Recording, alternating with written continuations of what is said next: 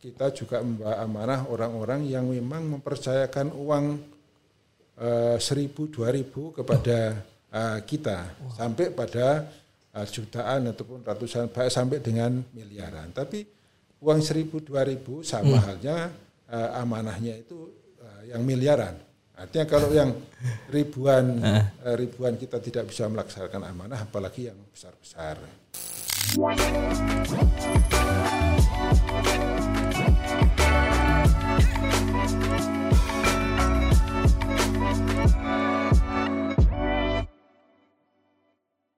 Assalamualaikum warahmatullahi wabarakatuh. Sahabat Basnas TV di mana pun anda berada. Oh iya, lepas masker dulu. Masukin biar tidak diomelin dokter Tirta. Nah. Bertemu lagi, eh enggak ini episode 1 jadi baru bertemu bersama saya Malik Wildan yang akan membawakan program terbaru dari Basnas TV Seperti yang bisa dilihat yaitu Bincang Cinta Zakat jadi sesuai dengan namanya ya teman-teman di mana pun anda berada eh, podcast ini atau program baru ini akan eh, fokus atau membicarakan topik-topik menarik yang tidak jauh atau tidak eh, apa namanya berhubungan dengan yang berhubungan dengan eh, bintang tamu bintang tamu kita yang akan datang membicarakan tentang eh, kesibukan mereka, lalu juga kebiasaan mereka dalam berbagi, khususnya berzakat. Nah, tentunya perbincangan itu tidak akan saya bawakan sendiri karena kita akan kehadiran bintang tamu bintang tamu yang tentunya berbeda dengan pengalaman hidup mereka yang berbeda, dengan cerita mereka yang berbeda dan dengan juga eh, kisah-kisah menarik yang mereka punya. Oke, karena ini adalah episode satu kita, kita langsung saja mendatangkan atau menghadirkan raja terakhir dari Badan Amil Zakat Indonesia. Basnas Badan Amil Zakat Nasional Republik Indonesia yaitu Bapak Ketua dari Basnas Republik Indonesia sudah hadir bersama saya di sini. Bapak Profesor Nur Ahmad. Selamat datang Pak. Assalamualaikum. Masih Mas Wildan, Waalaikumsalam warahmatullahi wabarakatuh. Kedengeran ya Pak suara saya Pak? Ya, Apa kabar Pak? Alhamdulillah. Alhamdulillah baik. Udah menjalankan puasa, lebaran juga gimana nih Pak aman kerjaan dengan puasa? Alhamdulillah sangat menarik dan puasa itu kan sesuatu yang kita tunggu. Dan kalau tidak bulan Ramadan kadangkala kita kan agak malas-malas puasa, tapi kalau bulan Ramadan kan semangatnya luar biasa. Betul, betul, betul. Apalagi tentunya didorong dengan kegiatan-kegiatan di bulan Ramadan ya Pak. Betul. Sepertinya kan Pak Nur Rahmat nih banyak banget nih kegiatannya waktu bulan Ramadan Pak.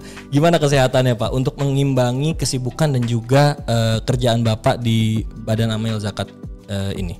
Justru yang kita tahu dan yang kita rasakan bersama, mungkin kita semuanya juga merasakan yang sama dari dari kecil. Kalau Ramadan itu kan ada semangat baru. bahwa Ya.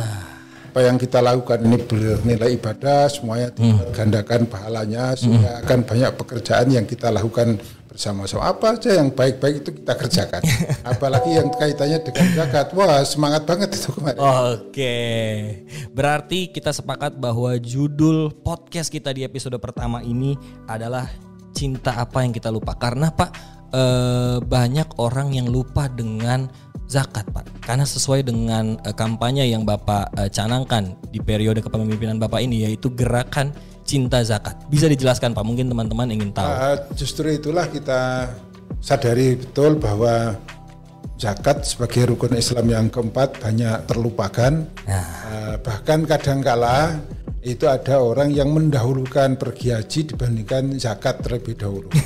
Padahal yang kita tahu zakat itu lebih prioritas daripada haji. Kita akan banyak menolong masyarakat, lebih banyak pahalanya dibandingkan kalau kita uh, pergi haji, tapi belum zakat. Nah, dari situ maka kita adakan gerakan cinta zakat yang harapan kita semua orang itu akan mencintai zakat. Mulai dari mustahik sampai dengan musakid dan mulai dari anak kecil sampai dengan orang yang sudah tua mulai dari orang yang miskin sampai dengan orang kaya. Maka dari itu kami ucapkan banyak terima kasih karena Pak Jokowi berkenan untuk meluncurkan gerakan cinta zakat yang mudah-mudahan uh, nanti akan bisa diketahui oleh masyarakat seluruh Indonesia bahwa zakat itu sangat penting sebagai rukun Islam yang keempat. Luar biasa, berarti langsung dari Presiden Joko Widodo ya Pak gerakan cinta zakat itu. Nah itu teman-teman langsung dari uh, Presiden Republik Indonesia Bapak Joko Widodo untuk menggerak apa mencanangkan gerakan cinta zakat. Bahkan cinta ya Pak, bukan semangat. Jadi cinta dulu ya. Cinta. Oke. Okay. Karena dengan cinta itu pada akhirnya kan orang melakukan sesuatu perbuatan ah. uh, dengan rindonya, dengan kehendaknya, dengan seikhlas-ikhlasnya. Oh, oke oke oke. Oke, berarti uh, kita sepakat bahwa hari ini kita akan membicarakan tentang gerakan cinta zakat, yaitu prinsip apa yang dicanangkan, lalu juga apa yang akan dibawa dan bagaimana penerapannya di Indonesia. Ya udah, Pak Nur Rahmat ini kan orang yang sibuk ya. Langsung saja kita to the point. Uh, Pak, kalau saya lihat di lingkungan mungkin anak-anak seusia saya atau pemuda-pemuda generasi Z lah ya, itu kan banyak yang belum paham Pak bahwa sebenarnya uh, gua nih udah harus berzakat atau belum? Atau kayak zakat tuh apa sih? gitu. Apa harus emang orang yang punya aja atau gimana pak? Ya. pemahamannya pak. Oleh karena itu kemarin kita luncurkan gerakan cinta zakat dalam rangka untuk literasi. Mm. semua. Mm. bahwa zakat itu uh, mempunyai nilai yang sangat tinggi sekali nilai-nilai ketuhanan. Yang saya istilahkan ada itisolatul ilahiyah. Mm. ada nilai-nilai uh, kemanusiaan itirasul insaniyah ada nilai-nilai uh, pribadi hmm. yaitu itu nafsiyah sendiri. Oh nafsiyah ya. Ya. Hmm. Dan tentu saja yang terpenting adalah bagaimana eh, nilai-nilai uh, tersebut terangkum menjadi satu sebagai sebuah kekuatan yang uh, di situ ada sosial nilai sosial yang transendental. Nah, nilai sosial yang transendental itu apa? Hah? Yaitu ada satu kewajiban yang dilakukan oleh seseorang, tetapi uh, berhubungan dengan masalah-masalah sosial, tapi berhubungan dengan ketuhanan. Oh, gitu. Jadi uh, sebenarnya ini juga menjadi satu uh, aspek sosial dalam kehidupan ya, Pak? Oh ya, itu pastilah sangat erat kaitannya. Oh, Tapi okay. tidak hanya semata-mata aspek sosial. Uh -uh. Zakat itu mempunyai aspek yang sangat banyak sekali. Betul. Maka dari itu ketuhanannya juga ada, kemanusiaannya juga ada, ke, uh, kemasyarakatannya juga ada. Hmm lalu berbaginya juga. Oh. jadi ada satu keadilan sosial masuk di situ. Ada kemanusiaan persatuan ada peradabannya juga masuk di situ. Tapi sekaligus juga ada ketuanya juga masuk di situ. Luar biasa. Nah eh, tadi pak eh, bapak kan bilang bahwa zakat adalah rukun Islam yang keempat ya pak. Dan banyak orang langsung lengkapin tuh. Langsung naik haji. Nah uh, berarti banyak orang yang belum ada mungkin self awarenessnya pak terhadap zakat. Nah menurut uh, Pak Nur Ahmad sendiri nih sebagai ketua Basnas RI, bagaimana sih pak implementasinya di Indonesia pak sejauh ini? Ya kita tahu bahwa pembayar zakat di Indonesia itu masih sangat kecil. Oh.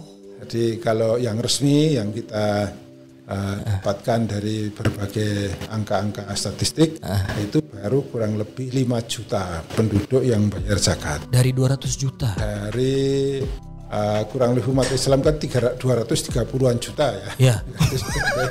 Jadi baru kira-kira 5 juta itu yang resmi. Mungkin oh, itu yang ada resmi. yang ada yang tidak resmi yang langsung di masyarakat. Oh, Tapi okay. katakanlah itu dikalikan dua aja misalkan 10 juta. Mm -hmm. Itu kan masih sangat kecil dibandingkan dengan uh, kita tahu bahwa sekarang ini cukup banyak orang uh, kelas menengah baru, orang-orang Islam yang cukup kaya mm -hmm. sekaligus juga uh, banyak orang yang sudah mampu untuk berzakat.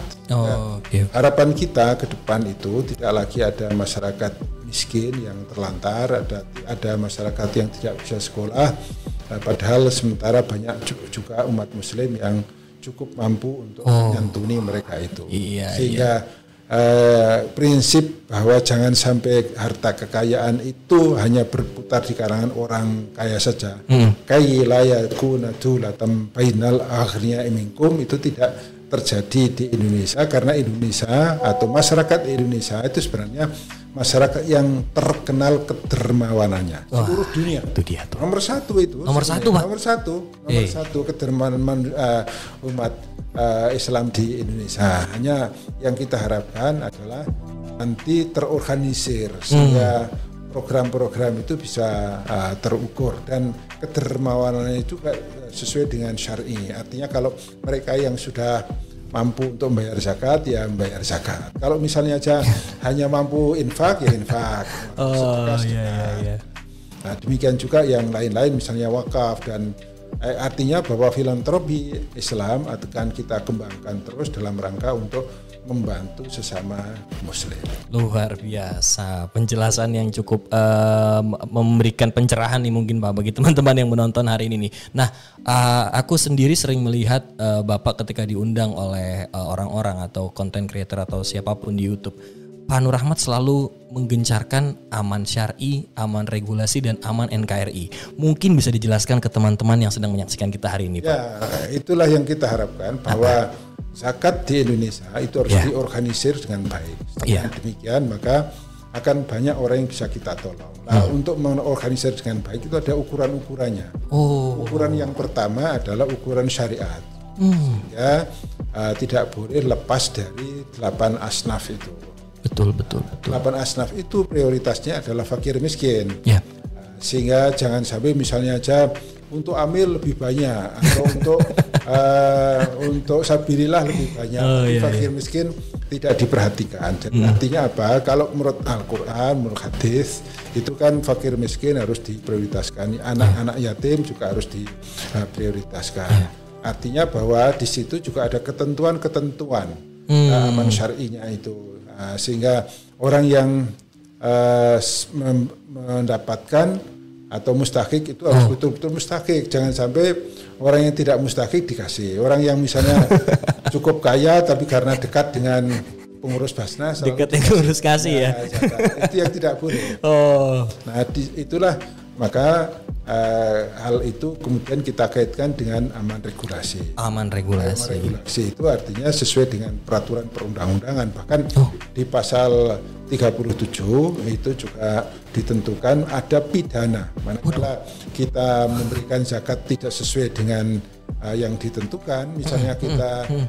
menghutangkan ataupun memberikan harta zakat atau memberikan zakat itu kepada orang-orang yang tidak berhak, maka pengurus Basnas itu bisa dipidana karena kelalaiannya itu.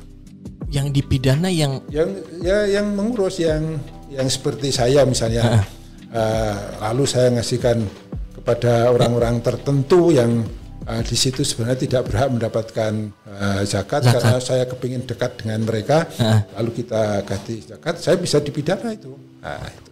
Dari niat baik berujung dipidana ya, ya Pak. Nah itulah yang kita harus sesuai dengan aman uh, regulasi. Regulasi. Nah, regulasinya juga regulasi keindonesiaan kan itu. Oke. Okay. Dan juga aman NKRI. Jangan nah, sampai ini apa nih? Uh, harta zakat ini digunakan oleh Eh, kelompok-kelompok yang melakukan kegiatan yang bertentangan dengan negara kesatuan Republik Indonesia. Oh. Misalnya aja untuk membiayai radikalisme, membiayai terorisme, uh. membiayai gerakan-gerakan yang uh, justru melawan dari uh, pemerintah itu sendiri. Maka uh, Basnas sebagai amil zakat pemerintah, hmm. uh, sebagai lembaga pemerintah non struktural yep. harus bisa mengamankan tiga aman tersebut aman syari, aman regulasi dan aman NKRI sehingga dengan demikian uh, semua uh, bisa dipertanggungjawabkan. Baik itu pada Allah Subhanahu wa taala berdasarkan pada undang-undang ataupun dalam rangka untuk mempersatukan umat yang ada di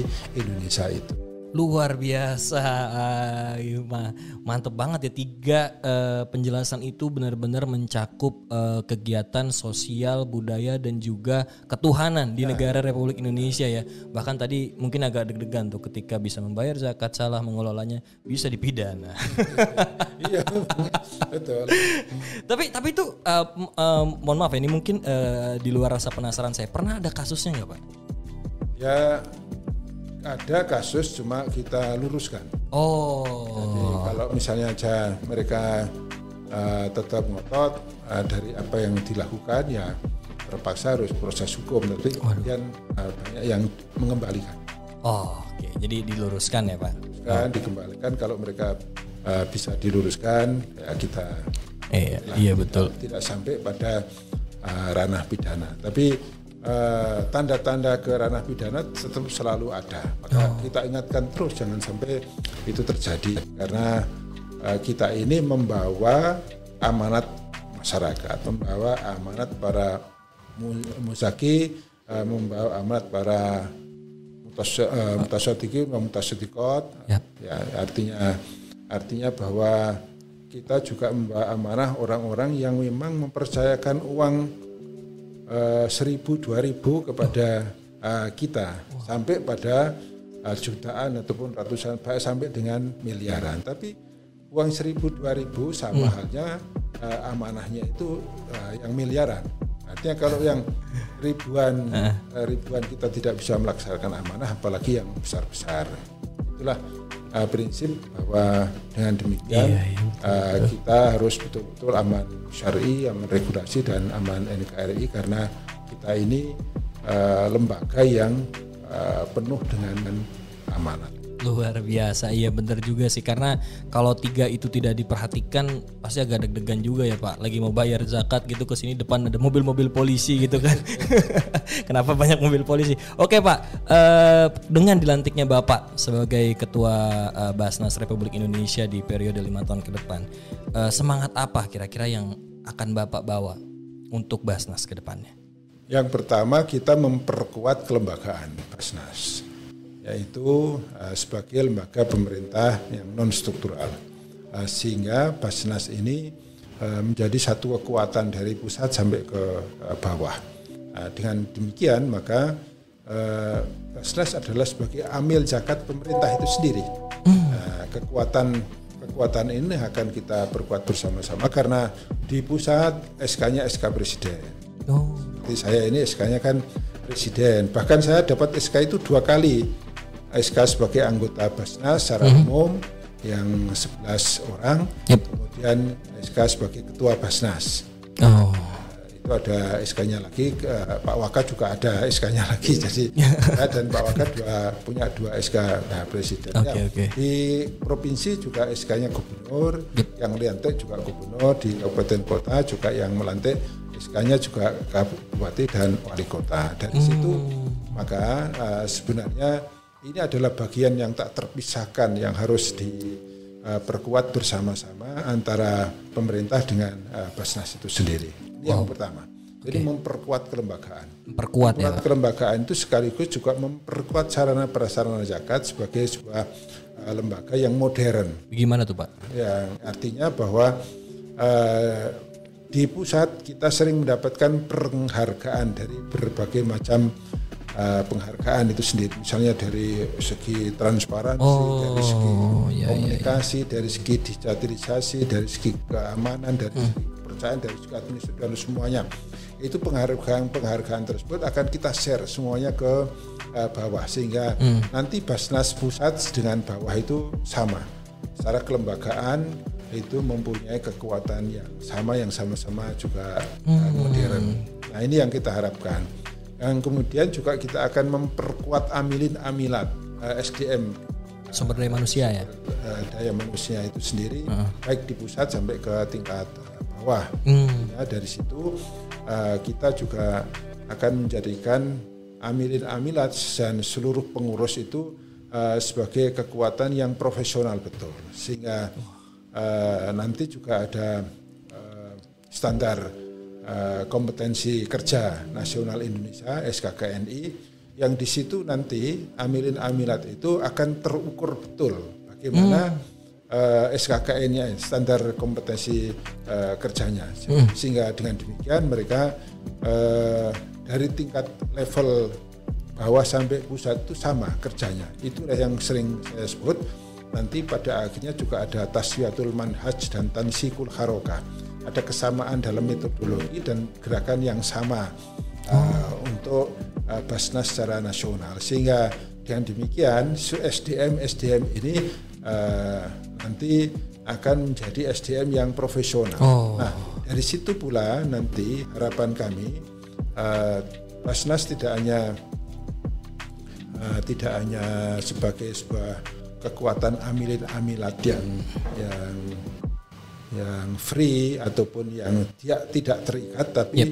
justru harapan saya akan menjadi bagian dari pemerintah itu sendiri apakah itu PNS ataupun mungkin oh. P3K Oh iya iya iya iya. Jadi ada pegawai pemerintah yang atas perjanjian kerja itu. Mm -hmm. nah, harapan uh, harapan saya semacam itu sehingga nanti juga ada berjenjang, ada karier.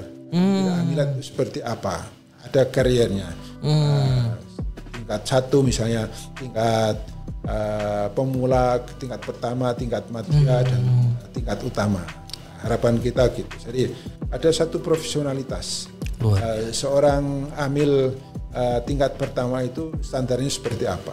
Oh. Orang amil tingkat kedua itu standarnya seperti apa. Sehingga sampai pada tingkat yang profesional, yang yang betul-betul tingkat utama, yang di situ harapan kami nanti secara fungsional kita nah. akan diakui. Harapan uh, kami pula bahwa nanti orang akan uh, selalu bangga dia menjadi seorang amil yang memang uh, di situ ada satu kekuatan yang yang dibanggakan karena ada profesionalitas itu, ada hmm. kemampuan, hmm. ada ilmu. Ada ilmunya ya. ya jadi bukan semata-mata pengambil zakat tapi ada ilmunya. Hmm. Karena ilmunya cukup banyak.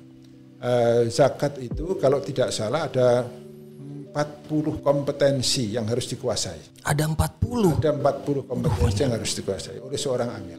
Wah, lima aja kadang amil udah pusing. Ya, itu ada nanti ada sekitar 40. Nah, sehingga dengan demikian eh, kemampuan 40 ini misalnya aja bagaimana pendekatan kepada orang, bagaimana oh, iya. cara menghitung zakat. Betul betul. betul. Nah, eh, bisa menyalurkan zakat itu. Itu kriteria-kriteria sampai 40 wow. uh, kompeten uh, yang harus dikuasai seorang nah, artinya nanti mm -hmm. misalnya aja seorang itu baru punya kemampuan 10 yep. itu mungkin tingkat pertama oh. yang menguasai sampai uh, 25 itu tingkat uh, kedua sampai dia menguasai seluruhnya dengan kemampuan yang sangat profesional bisa uh, sampai pada tingkat utama bahkan kalau kami kemarin mempelajari SKKNI mm. ini kalau di kuliah tidak cukup uh, hanya S1 tapi bisa S2.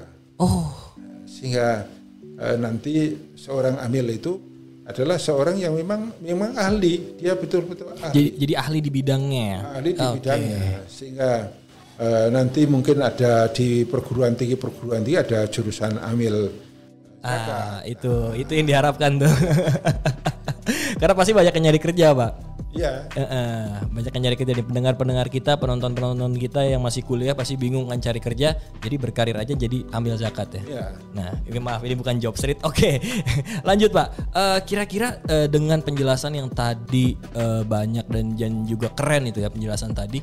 Nah, kira-kira menurut uh, Pak Profesor sendiri, boleh jelaskan nggak Pak kira-kira langkah lanjutan untuk meningkatkan karena tadi kan kita sempat menyentil nih bahwa masih banyak masyarakat-masyarakat Indonesia yang kurang paham uh, terhadap literasi zakat Indonesia sendiri. Nah, menurut Pak Nur Rahmat sendiri gimana?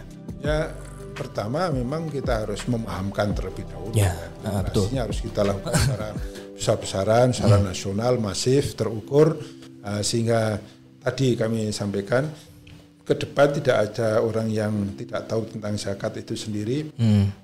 Baik dari mustakik sampai dengan muzaki, baik anak kecil sampai dengan orang dewasa, hmm. orang yang miskin sampai dengan orang uh, kaya, yang tahu kaya. semuanya. Hmm. Sehingga uh, dari situ tergantung bagaimana nanti sentuhan mereka itu bisa membayar zakat. Nah. Maka langkah yang kita lakukan adalah cinta terlebih dahulu, cinta terhadap zakat itu sebagai satu sentuhan ya. berikutnya. Sentuhan-sentuhan yang selanjutnya adalah bagaimana kinerja dari amil itu sendiri.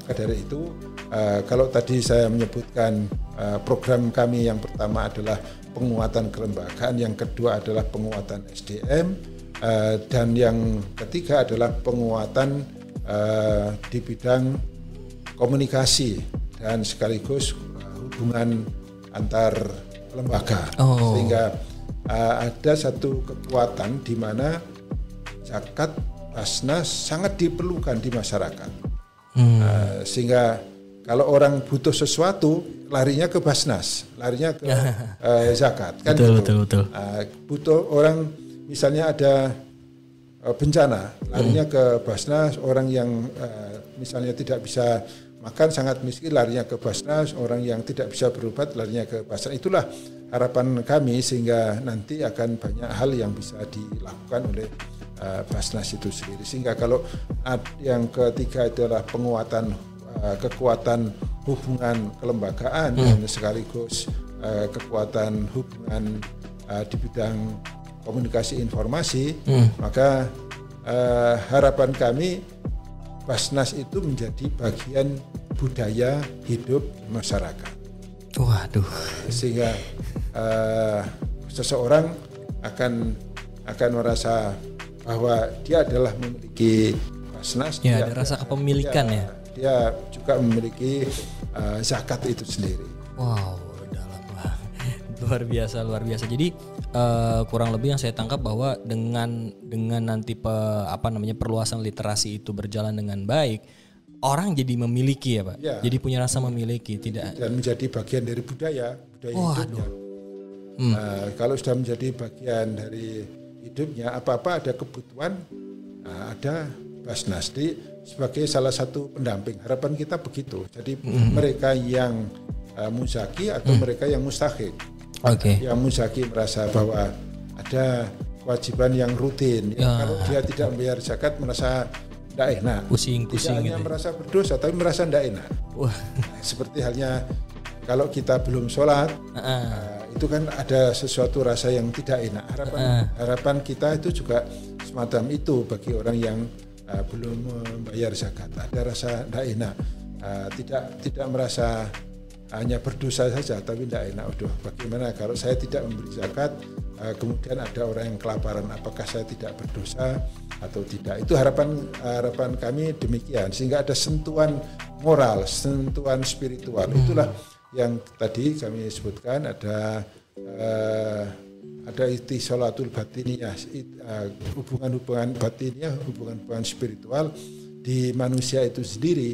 Jadi ada satu kekuatan bahwa uh, kalau Al-Quran menyebutkan akimi sholat ali zikri hmm. uh, kerjakanlah sholat untuk mengingat uh, aku hmm. demikian juga harapan kami uh, mengerjakan zakat juga sama oh. di, di situ kalau uh, Al-Quran menyebutkan khud min amwahlim sodakotan tutahhiruhum wa hmm. tuzakim biha hmm. wasalli alaihim inna sholataka sakanul lahum hmm. maka uh, di situ orang merasa bahwa uh, orang bayar zakat itu adalah dalam rangka untuk membersihkan, oh, membersihkan diri, mensucikan dan membersihkan diri.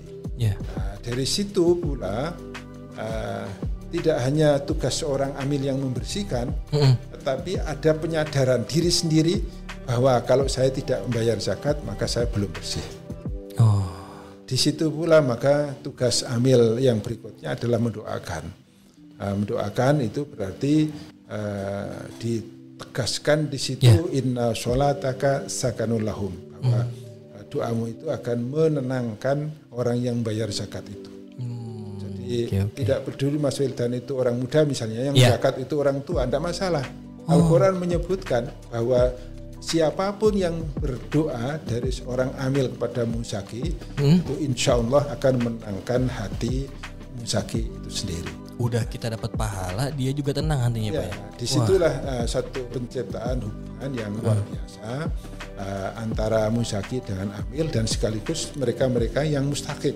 Hmm. Uh, kehidupan yang harmonis semacam itu uh, ini yang kita harapkan ke depan sehingga Uh, kalau kehidupan itu harmonis maka insya Allah uh, apa yang diharapkan baldatun batun warabun ghafur itu yeah. akan uh, tercapai manusia tenang musaki juga tenang hmm. uh, amil juga sudah melaksanakan tugasnya mustakik juga bisa menerima zakat dengan sebaik-baiknya harapan harapan kita itu semacam itu sehingga inilah uh, gerakan cinta zakat yang kita akan jadikan sebagai sebuah budaya hidup manusia Indonesia.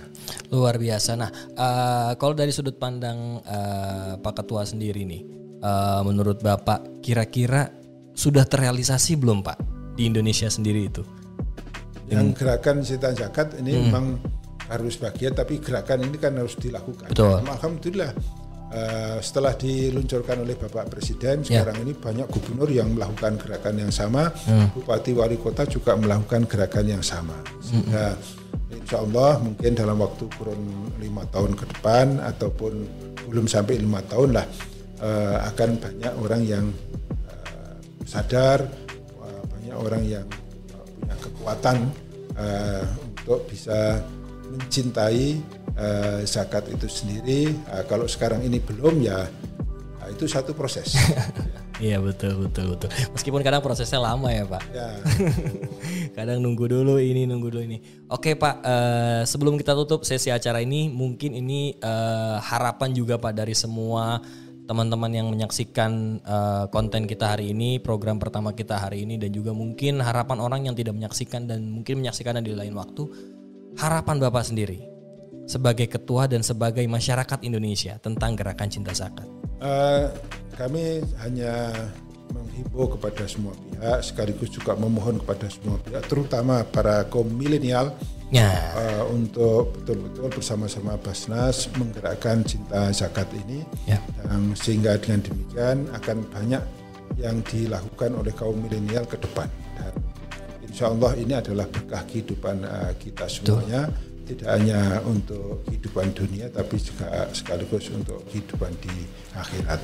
Uh, harapan saya gerakan cinta zakat tidak hanya dilakukan oleh uh, kaum tua, tidak hanya dilakukan oleh pemerintah, tidak hanya dilakukan oleh lembaga-lembaga, yep. tapi terutama oleh kaum milenial yeah. menggerakkan cinta zakat yeah. ke seluruh masyarakat Indonesia. Nah itu dengarkan, hei kaum milenial, ayo bangun, bangun, jangan cuma tidur.